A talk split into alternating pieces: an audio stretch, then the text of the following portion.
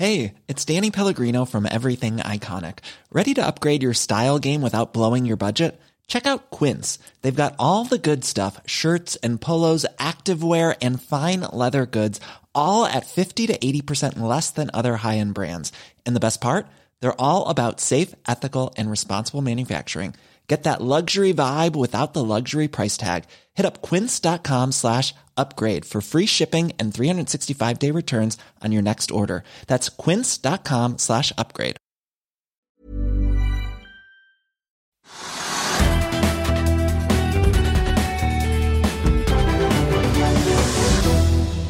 God mandag og et riktig godt nytt år. Du ser på Økonominyhetene, og det har blitt 3. januar. Oslo Børs steg 23% i året vi har lagt bak oss, noe som er det beste siden 2013. Og på den første dagen så fortsetter hovedindeksen opp 0,6% Vi må likevel se oss slått av svenskene, og litt senere i sendingen skal vi snakke med en av Sveriges største forvaltere. Og vi skal også få teknisk analyse av aksjen Quester til altså det lille oljemyggen som går i dag. Men først skal vi se litt på markedet markedet rundt oss. For med unntak av Storbritannia så er det solid oppgang rundt oss i hele Europa, selv etter et fall i Asia i morges. Oljeprisen den er ned en drøy prosent i spotmarkedet, og et fat nordsjøolje koster 78 dollar og 12 cent. Ser vi på den amerikanske lettoljen, så ligger den på rundt ja, drøye 75 dollar. Futuresene på Wall Street peker mot en positiv start for eh, årets første handellag. Like positivt ser det ikke ut Eh, for mobilselskapet Ice, som er ned 4,3% etter en oppdatering rundt selskapets juridiske utfordringer. Selskapet melder nemlig at norske Borea og den svenske Nordstjernen Kreditt AB har koblet seg på kravet fra hedgefondet Golden Tree, som er anlagt mot Ice.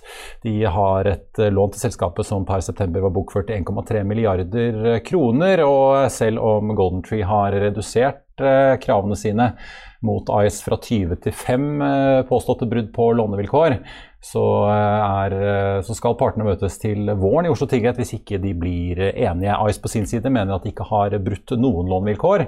Og dette kommer samtidig som selskapet står midt oppe i en krevende finansieringsprosess. Nettogjelden til Ice er på 5 milliarder kroner, og i november så varslet selskapet en emisjon på 2,5 milliarder, hvorav halvannen skulle gå til å refinansiere, refinansiere gjelden eh, til Golden Tree og de to andre, mens 1 milliard skulle gå til å sprøyte ny kapital til investeringer. I eh, midten av desember kom det imidlertid en ny melding fra Ice om at prosessen ledet av DNB, Pareto og Lazard ikke hadde ledet frem så så langt. Og vi venter nå på en ny melding etter hvert fra Ice om hvordan selskapet har tenkt å håndtere finansene sine. Ellers så tar vi med at meglerhuset Pareto tar kursmålet sitt for Aker-aksjen ned fra 1100 til 960 kroner. Analytiker Tom Christiansen sier fortsatt kjøp. Aker-aksjen er opp 1,8% til 840 kroner i dag. Ellers så er Questair oljemyggen opp eh, hele 35% etter en ny analyse fra Sparebanken Market, som oppgraderer aksjen til kjøp og setter et kursmål på 4 kroner. Den ligger nå på 2,29. Og så stiger Bakkafrost 1,1% etter en melding om at de har kjøpt 90% av aksjene i danske Munkebo Seafood. Før vi går videre i sendingen, husk at du også kan se sendingene våre ved å gå inn på fano-tv, og at vi også har andre podkaster enn bare Økonominyhetene, som Morgenkaffen, Gründerpodkasten Veien hit, Ukens vintips, Kunstpraten og bilpodkasten Mil etter mil. De finner du ved å søke Finansavisen, der du hører på podkast. Ja, Trygve. Året er i gang. Er du klar for 2022? Det er jeg. Det er veldig morsomt. Det er jo ingen som kunne tenke seg egentlig at fjoråret ville gi en kursoppgang på 23% Men det var også 23% på de store børsene i Amerika, så det var liksom verden gikk, gikk rundt, og det gikk fort oppover. Og så må man da tenke seg liksom, er det mulig? Skal det skje igjen? Skal vi få en oppgang på 23% i år også? Kan man tenke seg, i og med at børsene som du sier, er stort sett veldig positive verden over? Og det er jo ikke mulig å si. Altså, det er ikke mulig å Det er ikke lett å spå den, nei. nei det, er ingen som tør ta sjansen og si at jo, vi regner med at markedet blir like sterkt i år, så at verdens børser vil gå opp 23 en gang til. Det er, ikke, altså, det er ingen som tør. Og det er fordi at man kanskje forventer en sånn normalavkastning i et godt år på en realvekst på 4-5-6% eller 7 Da er man veldig fornøyd. Da er iallfall oljefondet veldig fornøyd. Så vi har hatt et kanonår, og så går vi inn i nyttet, så starter vi med en oppgang på en halv prosent. Det er bra. Uh, og så kan man spørre liksom, Hva er det da som ligger i kortene fremover som da på en måte er rimelig sikkert? og Markedet er veldig usikre på hvilke sektorer man skal gå inn i. Man hadde en sånn kjempeoppgang i skipsfart i fjor, containertransporten og tøllast. Og nå har liksom da mange tenkt at da kanskje det blir tank i år. Og Finansavisen hadde i dag kjempe, et kjempeoppslag om at liksom, de, veldig mange spår av tankmarkedet blir veldig bra, og at uh, aksjene i tankmarkedet vil gå til himmels og bli den store vinneren i år. Det er litt lettvint å si. Men det er liksom veldig lett å swappe fra liksom, tank, tørrlast i fjor, tank i år, ikke sant? og så container i fjor. Ja, det, men, men, men, det er skummelt. Men, du, du, nevner Kester, altså oljeselskapet, gasselskapet Kester, kanadisk. Det er jo opp 36% eller sånn nå. Det er klart, liksom det, det, drar jo markedet med seg, da. Og det er mye morsomt som skjer. Det er litt sånn spekulantaksje, det. Ja, det blir, ja. blir litt morsomt. Men, men jeg syns jo det er gøy at man starter opp med en gang, men man må tenke seg om. For det er jo Det skal jo ikke skje. Og vi vet også det at likviditeten i banksystemet i verden nå vil bli dårligere. altså Bankene vil holde igjen. De vil ikke ha nullrente eller mindre negativ rente i, i 2022. Det tror jeg ikke noe på. Så det blir innstramninger, høyere rente, litt vanskeligere. Og da vil på en måte, på en måte investorene måtte jobbe hardere for å få den gigantiske avkastningen de kanskje sikter på. Kanskje får man en oppgang på 5% eller 10% eller 12 Det er kjempebra, det også, når du sammenligner med bankrenter. slik at det er positivt. Det er, det er, eh, grunn til å tro at det kan bli ganske bra. Men og særlig fordi at oljeprisen du er også inne på den, oljeprisen den holder seg jo på 78-79 dollar på fat. Det er en høy oljepris den er veldig positiv for offshoresektoren, det er bra for oljeselskapene. det er mange positive tegn som gjør at liksom, vi kan få et bra børsår. Men det er mer i min oppfatning som taler for at man må være forsiktig, for det kan ikke fortsette. Det er for too good to be true, sannsynligvis. Ja, men det var, jo, for det var jo sånn i fjor, man måtte jo sitte i de riktige aksjene. Hvis man ikke satt med, i hvert fall på Oslo Børs med Equinor, så gikk man jo glipp av veldig mye av den oppgangen som på en måte overskriftstallet på hovedindeksen eh, ja, tilsa. Men, så det er jo det er ikke bare bare hvis man sitter og plukker aksjer. Nei, og nå så vi det at uh, Equinor har gått litt ned fordi at gassprisen har falt litt. Grann. Den har ikke falt litt, den har altså falt av 60-70% på et par måneder. Fra veldig høye nivåer, da. Hva? Fra veldig høye ja, fra veldig nivåer, ja. men den har falt ned. og det er klart at uh, Da faller kanskje Equinor, og så er det, slik, er det også slik at de, de selskapene i shippingsektoren som har tjent penger på LNG-frakt, de får kanskje ikke den samme positive utviklingen som i, fjor, som, i år som i fjor. Så Det liksom drar det litt ned. så det er, liksom, det, det, det er masse som gikk veldig mye opp, da. Og så er det, er det noe som drar det ned. Og det er klart at Når vi har prisendringer i gass på 60-70% på et par måter, så slår de ut for de selskapene som eier gass, selvfølgelig felt, og selger gass. Men så slår det ut for andre igjen, da, som på en måte frakter gassen. og det, Markedet blir litt, litt mer kompliserte. slik at vi har ganske kraftige utslag, og de som er ganske spennende. Ja, Vi så jo skillet mellom Equinor som falt litt og Aker BP som steg, men de er jo mye mer oljeeksponert. Ja, ja. ja men, da, men i fall, er, du, er, du, er du veldig gasseksponert, så får du smell på børs hvis det går ned. Og hvis det har gått opp, så får du da en kjempegevinst av det. Og det har vi hatt i Norge. Vi har jo hatt masse industrier som har, har fordel av det. Og så er det kommet andre nyheter i dag som er også ganske spennende. at Noen av eiendomsselskapene våre har kommet med tall som er supergode. Ja, Selvåg bolig melder om eh, altså, nest beste året sitt noensinne og beste fjerde kvartal. Eh, punktum. Og det er sannsynligvis sant. Jeg tror ikke de jukser med regnskapene. Jeg tror ikke de sier feil ting heller. Jeg tror de har levert såpass mange boliger. 1,4 milliarder kroner i fjerde kvartal. Jeg tror de har satt i gang masse nye, flere hundre nye altså, boliger. Ja, De sa altså de satte i gang like mange boliger i fjerde kvartal som de gjorde i hele 2020. Ja, og det er bra. Og, de, og jeg går ut fra at jeg kalkulerte riktig, at de kommer til å tjene penger på det også. Så, så det er liksom en positiv faktor, det også, da. Uh, og sannsynligvis er det da en del andre uh, boligprodusenter som også tjener penger, vil jeg tro. Uh, fordi folk vil ha boliger, de vil ha hytter, de bruker pengene på det som bare rakkeren. Så det er jo elementer som er veldig positive, men hele det bakgrunnsteppet vi har, det er at det gikk liksom nesten for godt i fjor. Altså Værmannsen tjente da, eller hadde en oppgang på 23 på sparepengene sine på Oslo Børs. Det er liksom det, jeg, vil si, jeg, vil ikke si at det, det kan ikke fortsette, alt er mulig, men man blir litt skeptisk. Det gror ikke inn i himmelen. Men er det noen sånne sektorer? Nå blir jo penger dyrere, rentene går oppover uh, utover året også etter hvert som både ja, Det er jo ikke bare Norges Bank som strammer inn, Fed strammer inn. Uh, alle strammer inn, likviditeten blir Er, er det liksom noen sektorer som, hvor det da sannsynligvis kommer en opprydning?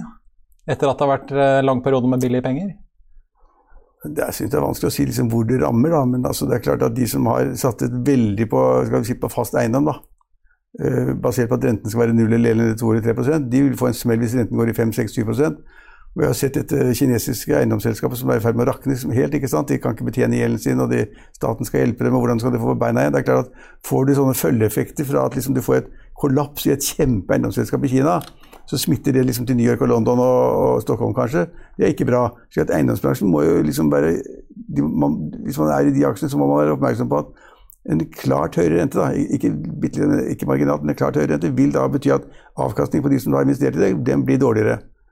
Så det, Vi kan godt plukke sektorer som da kan være litt skumle, men, men andre, andre bransjer I Norge er det slik at alt er bra. Ja. Vi har for mye penger. Vi har en oversikt på skjermen der over hvordan vi ligger an på de, for 2021. Da. Det, er jo, det er jo bare svenskene som, uh, og SMP 500 da, Men uh, her hjemme i Norden har, så er det jo bare Sverige som har slått oss. Ja, så, altså, Vi har mye penger her, og så har vi, de pengene har vært brukt ganske fornuftig. De, folk har vært flinke til å finne de riktige sektor, sektorene. Og så har man kanskje ikke vært like flink i alle sektorer til å se da, liksom, de negative tingene som har vært der, men det har vært så få. Uh, og så er det altså slik at norske husholdninger det året som er inne nå, 22, de vil få en reallønnsvekst. Vi skal ha tariffoppgjør til våren i april. Da vil alle sammen få 3-4% lønnsvekst sannsynligvis. Og så har vi spart utrolig mye penger, som vi har snakket om her før jul. På makrosiden at liksom nordmenn har ikke fått reise til New York og London og Barcelona og Malaga, Malaga og, og, og, Thailand på ferie. ikke sant? Hva gjør de da med pengene? ikke sant? Og De kan ikke reise til Frankrike. Er, altså Man er bundet opp. ikke sant? Så har man da brukt de pengene på boligen sin, på hytter og andre ting. Mer mat, mer biff. Altså det er liksom ikke, altså det, alt slår til i norske investorers favør akkurat nå. da. Så man må, som du er inne på, man må lete litt. og Sterkt rentebelastede sektorer kan få problemer. Hvis, hvis, uh, hvis, pandemien varer et år eller to, så vil jo da på en måte markedet for kanskje kontoreiendom for første gang på mange år også falle. Mindre marginer på de som bygger. Ingen som vil ha dem. Ikke, og hvis de vil ha det, så vil de ikke ha så store. Noen av de prosjektene kan liksom bli dårligere. Også, så det, ja, det kan, kan, kan. Men altså og så må man ikke bomme i shipping, så man må være de riktige sektorene. Det skjønte ikke alle i fjor. Noen ble værende i, i sektorer som var dårlige hele veien. Uh, mens de som da var liksom spekulative og satset på container og tørrlast, de tjente penger hele tiden. Og har de skipene kanskje ennå. Og da vi ser på børsen i dag, så ser vi at noen av tørrlastselskapene fortsetter å gå oppover. fordi at Noen sier at tørrlast kommer til å bli over hele året også. Verdenshandelen øker. Landet har mer penger å bruke. Varer skal hit og dit. og det har vært det er en sånn backlog på varer i masse havner i verden over, så at det skal bli løst opp, trenger man flere skip. Men noen satser på det, og det, derfor går den delen av markedet i dag. Ja, ja Det er argumentet for at det skal bli bedre for tanko, at eh, oljeetterspørselen skal ta seg opp eh, etter hvert som verden ja, kvikner enda mer til. Ja, det er et godt poeng, men det vet vi ikke om den gjør. da. Tar litt tid altså før liksom, det, det, fallet vi har hatt. Vi har hatt et ganske stort fall i Norge. Uh, i BNP. Uh, anslaget vi har hatt, ikke sant? Men, men fremdeles regner, regner vi med en BNP-vekst på 3-4-5 Det er masse. Og, så ja det, det, det, er, litt, det er ikke alle, alle bransjer like lett å spå, da, men vi, når vi snakket om boligmarkedet om shipping, vi må velge riktig sektor. ikke sant? Og, ja, og, og, og vil offshoresektoren bli bedre fordi at oljeprisen er høy? Ja, sannsynligvis. Men, men hvis oljeprisen ikke blir etterspørselen blir så stor, som da alle sier, så får man et kjempeproblem. Hvis oljeprisen skulle falle fra 77-78 dollar per fat til noen og 60 eller sånn, så er vi jo i krise. Da stopper jo alt opp for oljeselskapene, stopper alt opp for oljeserviceselskapene. Da har vi problemer egentlig at man må følge med. Så tror jeg i år blir det såpass viktig å hoppe av i tide. Ja.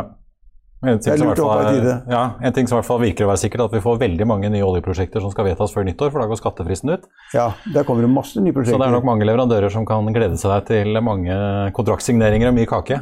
Men det er, altså, det er morsomt poeng at du nevner det, for det er også kommet frem tall som viser at det er planlagt bruk og investeringer i Nordsjøen på 160-70 milliarder kroner. Altså Oljealderen er jo ikke over. Nei. Men den, den, blir litt mer komplisert hvis oljeprisen skulle falle. altså Hvis etterspørselen skulle dale verden over, og at det ikke blir 100 millioner fat per dag, som man liksom normalt regner med.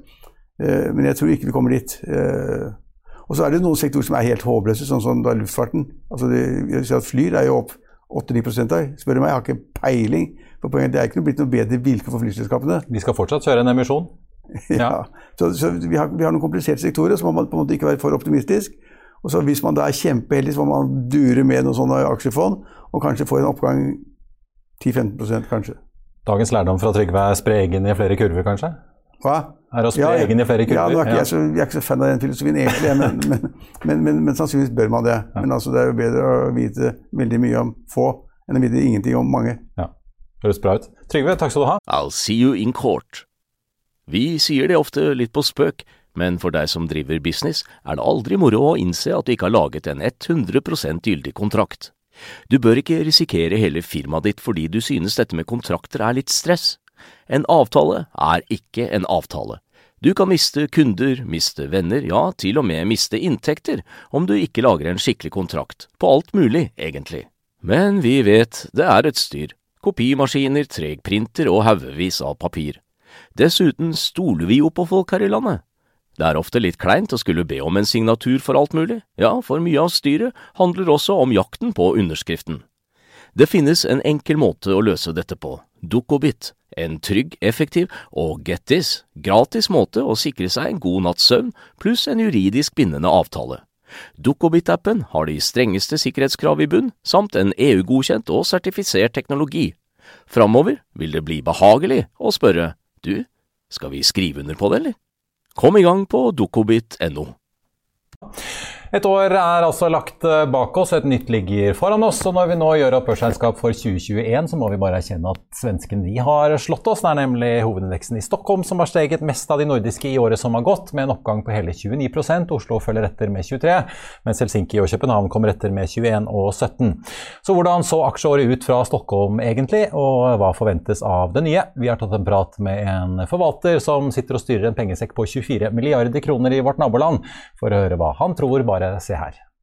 Mathias Sjødin, forvalter i Carnegie Fonder, velkommen og takk for at du er med oss på, på videolink. Godt nyttår. Eh, du, skal vi, skal Godt nyttår, Marius. Skal vi begynne med å oppsummere litt 2021? Her i Norge så bidro jo både shipping og ikke minst veldig høye energipriser, olje og gass, til at det ble et veldig godt år. Men uh, dere svenskene dere klarte jo jammen å slå oss med en enda bedre utvikling på, på Stockholmsbørsen. Hva var det egentlig som gjorde at uh, Stockholmsbørsen leverte et så bra år? Ja, det var jo en blanding av saker som alle var positive, skulle jeg si. Eh, vi hadde for det sterkeste enskilt er vel ändå at vi hadde normalisering utav ekonomin efter 2020 som var coronaåret så. Så, så att vi fick ju en, en, en bra BNP-tillväxt. Företagens anställda kom mer tillbaka till jobbet, folk konsumerade. Även om det fortfarande hade restriktioner så var det en normalisering. Det var det första. I Sverige är vi också ganska banktunga och bankerna hade ett väldigt gott år efter att ha haft ett dåligt 2020. Så det bidrog mycket i index. SEB och Nordea var väl upp runt 70 procent båda två om jag minns rätt. Och det, det var de ju på att kreditförlusten man befarade skulle komma skedde inte.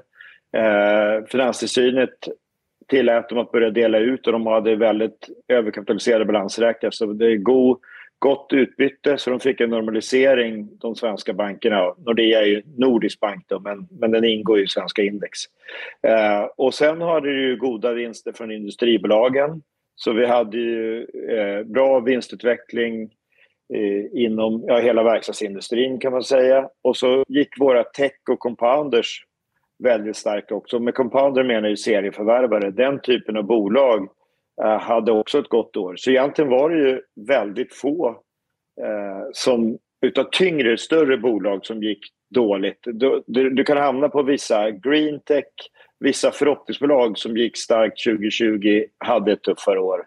Men du får leta en liten bit vad ska jag säga, ut på riskkurvan för att hitta de förlorarna. Men visst, det fanns sådana också. Du, eh, her i, her i, Norge det jo, eh, var det jo da særlig Equinor som bidro til at hovedindeksen eh, gikk så bra. og det, Equinor utgjør veldig mye av hovedindeksen, så hvis man driver et norsk aksjefond, så er det jo litt vanskelig, for man kan ikke sitte med gjerne en så stor Equinor-eksponering i, i, sitt eget fond. Eh, Sverigefondet som du forvalter, lå jo ja, pluss-minus en prosent bak eh, Stockholmsindeksen i, i, fjor. Var det, var det noen å si, svensk Equinor som, som du mista avkastningen på pga. litt sånne fondsregler, eller? Ja, det var det faktisk. Men det, det, inte på grund av 10 %-regeln. Det hadde vi ikke. Men vi, vi, vi får ikke investere i betting eller gaming. Så vi, Evolution Gaming tilhørte en av vinnerne Även om de hade en stökigare avslutning. Och Evolution Gaming väger väl 5-6 procent eh, i, i OMX. Då. Så, så att den, den tyngde, lite, eller tyngde för oss då på en relativ basis. Eh, men det var bara den. Annars så, utav 30 innehav så tror jag 29 stängde på plus för oss. Eh, sånn, så, så at, sånn, er det av og til når man skal være ansvarlig. Vi må, vi må snakke litt om noteringer og hvilke forventninger dere har til Året som kommer, i fjor var det jo Autostore var jo den store nynoteringen her i Oslo. I Sverige var det vel eh, børsnoteringen av Volvo som var eh, den store. Den var vel i hvert fall dobbelt så stor som, som Autostore. Eh, ja. Veldig mange noteringer på, på Euronex Growth her i Norge. Vi endte vel opp med 68 totalt på Oslo Børs, 37 i Stockholm. Hva har du av forventninger for 2022? Ja alla jag pratar med som jobbar med equity capital markets och, och våra motparter så att säga, säger att det är en, en väldig pipeline fortsatt. Så jag räknar med hög aktivitet. Dock tror jag det blir som det var även i fjol att Autostore och Volvo Cars och några till är ju undantagen. Den breda massan av bolag kom ju inom small och midcap. Uh, och de vill ju få en, en, de vill ju komma in på börsen också, delvis för att få kapital men också för att få en valuta att kunna göra förvärv. Får du en god värdering så kan du använda den uh, för att göra ytterligare förvärv. Så att säga. Det blir lite självuppfyllande nästan. Flere av de selskapene som kom inn i, 2020 og 2021 på Oslo Børs, har jo slitt litt med den vridningen vi hadde fra vekst til verdi i aksjer. Ja. Hvordan har det egentlig gått med de aksjene dere har sett har blitt eh, notert i Stockholm? Har det vært noe av den samme utviklingen? Ja, samme. Jeg, jeg, gjorde, jeg hadde en lista på Jeg, jeg skalade bort de minsta, absolutt minste bolagen, men si at vi jeg kollade någonting 70 bolag i alla fall, IPOs hur de gick under året och så titta hur ligger de mot 52 week high och low och sådär. Eh, och då var nog en 30-40 procent var på minus kanske. Så det, eh, men de som var upp var ju ofta upp väldigt mycket. Men det, det, var lite tuffare för bolag som, var, som jag kallar för förhoppningsbolag. Då. Så att, eh, om du har en intressant teknologi eller en intressant forskningsstudien och potentiellt läkemedel inom biotech till exempel. Det var ju sektorer som slet lite mer, eh, medan breda index gick starkt. Då. Men tror du det er vanskeligere for nye bolag å få tak i kapital, eh, gitt det at du og andre investorer ser at eh, det er en risiko her knyttet til disse nye noteringene og hvordan aksjekursen går? Altså, det, det er mulig at det kan være så lite, men generelt kjennes ju riskaptiten fortsatt hög. Däremot kanske man att jag tror att börsen och framförallt fondförvaltare att man tittar lite mer urskiljnings... Att man försöker urskilja lite mer på förhoppningsbolag mot kvalitetstillväxt. Om du tänker att 2020 så sa alla bara green tech, here we go och det måste man ha. Det, jag är för green tech, det är inte så. Jag tror också på att man ska fånga karboner eller att man ska, ska bygga ny form av solenergi och så vidare och spännande vätgastekniker och annat. Så det är inte det. Men desto yngre och mindre ett sånt bolag är, desto mer är man beroende av vad kapitalmarknaden tror om framtiden eftersom du nästan alltid behöver göra nya emissioner och så vidare. Så kommer det någon försening så kan det fort slå negativt. Så. Vi har haft några sådana exempel. Så, eh, min bästa bedömning är ändå att det fortsatt kommer att vara god riskaptit och det kommer mycket bolag till börs. Jeg tenkte siste del her, Vi må snakke litt om, om 2022 og hvilke forventninger ja. Eh, dere har. Jeg vet ikke om du tør å spå hvor mye Stockholmsindeksen eh, skal gå i år? Jeg, jeg tycker Förvaltare säger ju alltid at det skal gå 5-10 nesten Nästan alltid. Men jeg syns mye taler for ett ett gott år, men inte lika starkt som 2021. Och varför tror jag det då? Ja, om vi inte får någon Black Swan, och det kan ju alltid dyka upp sådana saker. Det kan hända något mellan Kina och USA eller no någonting med, med Ryssland och så. Men vi har haft ganska många störningar, ska man komma ihåg, i världsekonomin nu också. Eh, jag menar, viruspandemin har ju legat kvar eh, och, vi har haft restriktioner, vi har haft transportkostnader, vi har haft energikris i halva Europa och ändå så har ju vinsttillväxten varit väldigt god 2021. Och jag tror att mycket talar för att vi ändå har positiv BNP och positiv vinsttillväxt. På säg att Sverige kanske vinsten i aggregat växer 7-8 nästa år. Det är inte så dåligt och vi hade då vinster som växte kanske 5,30 förra året i Sverige och S&P tror jag var upp 50 Då är det större energiinslag. Eh, så vi, vi hamnar kanske på ett år som vi kan se ja, high single digit earnings growth och då tror jag faktiskt börsen kan ge ett ganska gott avkastning. Säg 10-15 procent. Eh, om vi inte drabbas av någonting som gör att vi verkligen åker ner i backen. Och det skulle ju vara någonting som gör att, att ja, global outlook försämras väldigt mycket. Att räntor bara går upp, det tror jag inte är jätteproblem. Nei, du, nei altså, inflasjonen har jo vært det store diskusjonstemaet. og Man følger jo med ikke bare hva Riksbanken og Norges Bank gjør, men ikke minst hva Fed gjør borti i USA. Er du bekymret for at inflasjonen kan uh, legge litt kjepper i hjulene for aksjemarkedet? Lite men ikke mye, faktisk. Framfor alt så kan det sette kjepper i hjulet for visse sektorer som gynnes veldig väldigt ut av ultralåga renter. Om du är serieförvärvare eller compounder eller du har eh, techbolag som har väldigt mycket av värderingen många, många år ut. Ja, det är klart att den typen av bolag kan ta lite stryk, framförallt relativt om vi får högre räntor. Men det är väldigt lite tycker jag som talar för att vi ska få kraftigt positiva realräntor.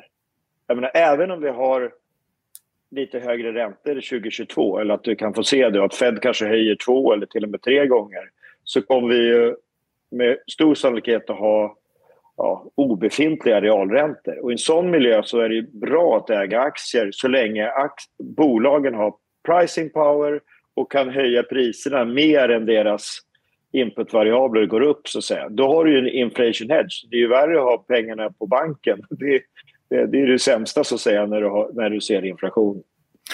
Ja, for, Apropos hvilken effekt har du sett at eh, Du snakket jo om at eh, en del av disse industriaksjene har jo vært med på å drive børsen i Stockholm det siste året. Men uh, mange av de får jo selvfølgelig da økte kostnader når prisen på aluminium og, og, strøm og naturgass og alt skyter i været.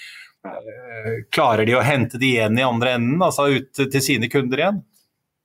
Ja, jeg skulle si det. Altså det ah, jeg tror aldri under min karriere, når jeg har vært med i ja, 20, 25 år i, i finansbransjen snart.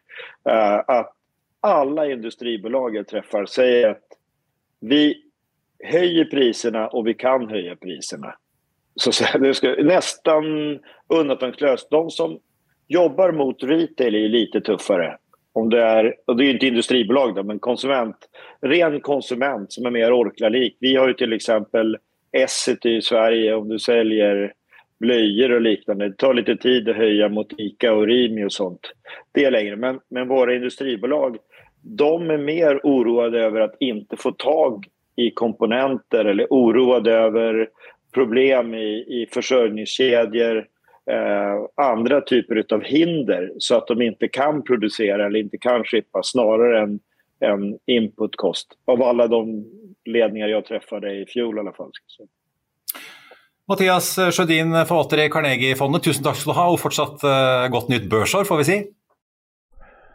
Sparebank1 Østlandet melder at de jekker opp låne- og innskuddsrentene sine inntil 0,25 prosentpoeng, og dermed følger banken etter DNB og andre som før jul meldte om økninger i sine rentenivåer. Aksjen til Sparebank1 Østlandet er relativt uendret i ettermiddag og ligger ned 0,3% til 145 kroner og 20 øre. På Oslo Børs er hovedindeksen nå opp 0,65% og dermed holder oppgangen som vi har sett i dag eh, seg ut eh, til å se ganske stabil ut, eh, rett og slett. Av de mest omsatte aksjene så er det Equinor som er på topp, og de er ned 1,25% etter at vi har sett et tilbakefall på gassprisene både i Nederland og Storbritannia de siste dagene fra de ekstreme nivåene vi har sett tidligere i høst og i vinter. Ellers er det solid oppgang i aksjer som Yara, Aker BP, og det er også en god dag for Jon Fredriksen. Frontline tankrederiet er opp 6,5 Sørlastrederiet Golden Ocean er også opp over 6 Så får vi også ta med at eh, Lundin Energy, som altså skal eh, slå seg sammen med Aker BP, er opp 3,4 eh, i dag. Futuresene på Wall Street peker fortsatt mot en relativt solid oppgang på årets første handledag i USA. I Finansavisen i morgen kan du lese Trygve Hegnars leder om statsministerens nyttårstale og lønnskrav. Du kan lese om Fearnley som sier kjøp på to lakseaksjer, og du kan lese om et kraftig fall i nordmenns forbruksgjeld. Og Det var det vi hadde for i dag, men vi er tilbake i morgen klokken 14.30. Takk for at du så på, og så håper jeg vi ses igjen da.